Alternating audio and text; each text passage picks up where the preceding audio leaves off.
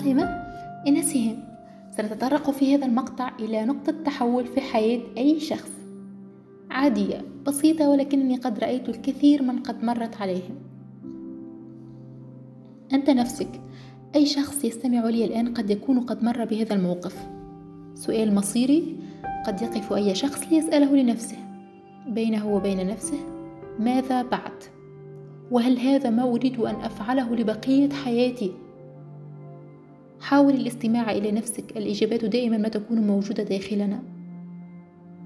هل سألت نفسك يوما كيف وصلت إلى هنا؟ أحيانا تمضي الحياة ونحن نأخذ قرارات بسيطة وأخرى مجبورين عليها. قد لا, تب... قد لا تبدو مهمة لتغيير أي شيء في حياتنا. لكن هذا السؤال يلفت انتباهك. هو أنك الآن ما أنت عليه اليوم. هو نتيجة لتلك القرارات اليومية الغير مهمة الكبيرة منها والصغيرة. الأمر يتعلق بكل جوانب الحياة الصحية العملية العلمية الزوجية الدينية النفسية كل ما يستهلك عمرنا. يستوجب الانتباه من وقت إلى آخر. سأعطي مثال. أنت من قررت لم يجبرك أحد على عدد وجبات يومك. لم يجبرك أحد أن تأكل ما تطبخه كل ما تطبخه أمك. لم يجبرك أحد أن تستمتع بالأكل مع أصدقائك ولم يجبرك أحد أن يكون لك أسلوب حياة مريح.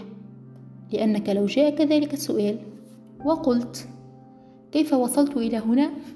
وأنت في وزن غير راض عنه. تذكر تلك القرارات اليومية البسيطة التي لا تغير شيء ولم تنتبه لها. مثال آخر. أنت من قررت لم يجبرك أحد على التعود على عملك الممل.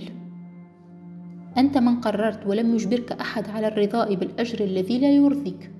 ولم يجبرك أحد على أن لا تقدم استقالتك. لأنك لو جاءك ذلك السؤال وقلت كيف وصلت إلى هنا بعد عشرين سنة من العمل بمكان لا تحبه؟ وقدمت له أفضل سنوات عمرك.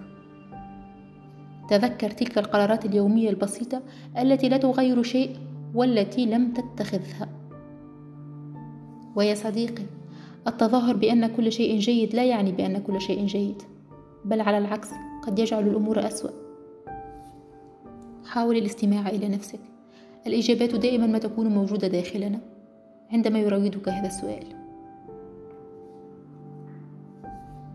الخبر السار أنه حتى وإن اكتشفت أنك الآن موجود حيث لا تريد أن تكون ما زالت لديك الفرصة. لتعيد كتابة أسطورة حياتك. أنت تستحق الأفضل في أي وقت من عمرك. هذا الوقت لك لكي تحقق ما أنت حقا تريده لنفسك. ليس ما تريده من أجل أبنائك وليس ما يريده والدك لك. ليس ما يتوقعه زوجك منك وليس حلم أمك ليس طموح ابنك. ليس ما يجب فعله للآخرين بل ما تريد فعله ما تريده أنت. نعم هناك من يعتمد عليك ونعم هم بحاجة لك. وأيضا يجب أن تكون هناك موجود من أجلهم. وخمن من أيضا يريدك؟ من يستحق الاعتناء؟ يحتاجك ولا أحد سيساعده مثلك. أنت أنت تحتاج لنفسك. التزم بجعل حياتك أهم أولوياتك بعد رب العالمين طبعا. من أجلك ومن أجلهم. لأن الإناء الفارغ لا يسقي أحد يا أخي. طبعا لو كان هناك باحث عن المثالية هنا يستمع إلي الآن ويرى أن هذه أنانية ويبحث عن التضحية والكلام الرنان. هذا الكلام ليس لك يا أخي يمكنك أن توقف الاستماع هنا.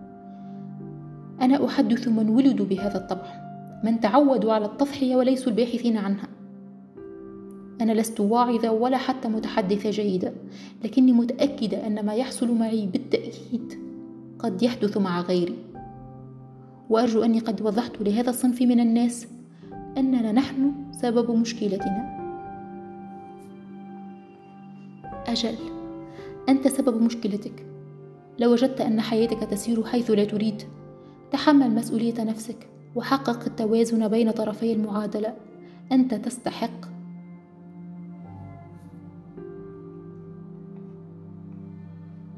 في قصتي حول بعث المشاريع التي بدأتها منذ مدة. يمكنكم الاستماع للأجزاء الأولى حيث حاولت البدء بمشروع خاص.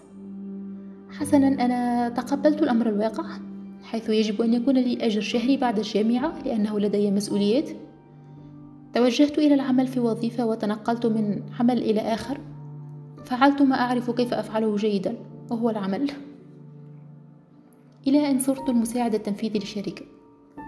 ثم بدأت فكرة مشروع خاص تعود إلى أفكاري ولكن هذه المرة لم تكن بدون هدف السبب هو سؤال علق بذهني في فترة ما هو ماذا بعد؟ عندما أكون في السبعين من عمري أنظر إلى الخلف هل سأكون راضية؟ الإنسان يجب أن يسأل مثل هذا السؤال حول كامل جوانب حياته هل أنت راض؟ لو كان الجواب لا هناك شيء خاطئ. توقف أعد حساباتك وتحرك لتجد هدفك. الفرص موجودة الحلول ممكنة والنجاح ممكن أيضا. هل تريد أن تقضي حياتك تفعل ما أنت غير راض عنه؟ الحياة خيار أحسن الاختيار. أتمنى لك رحلة حياة سعيدة شخصية عملية علمية. لتحقيق ما تحلم به من أجلك أولا ومن أجل ناسك وأحبابك وللجميع.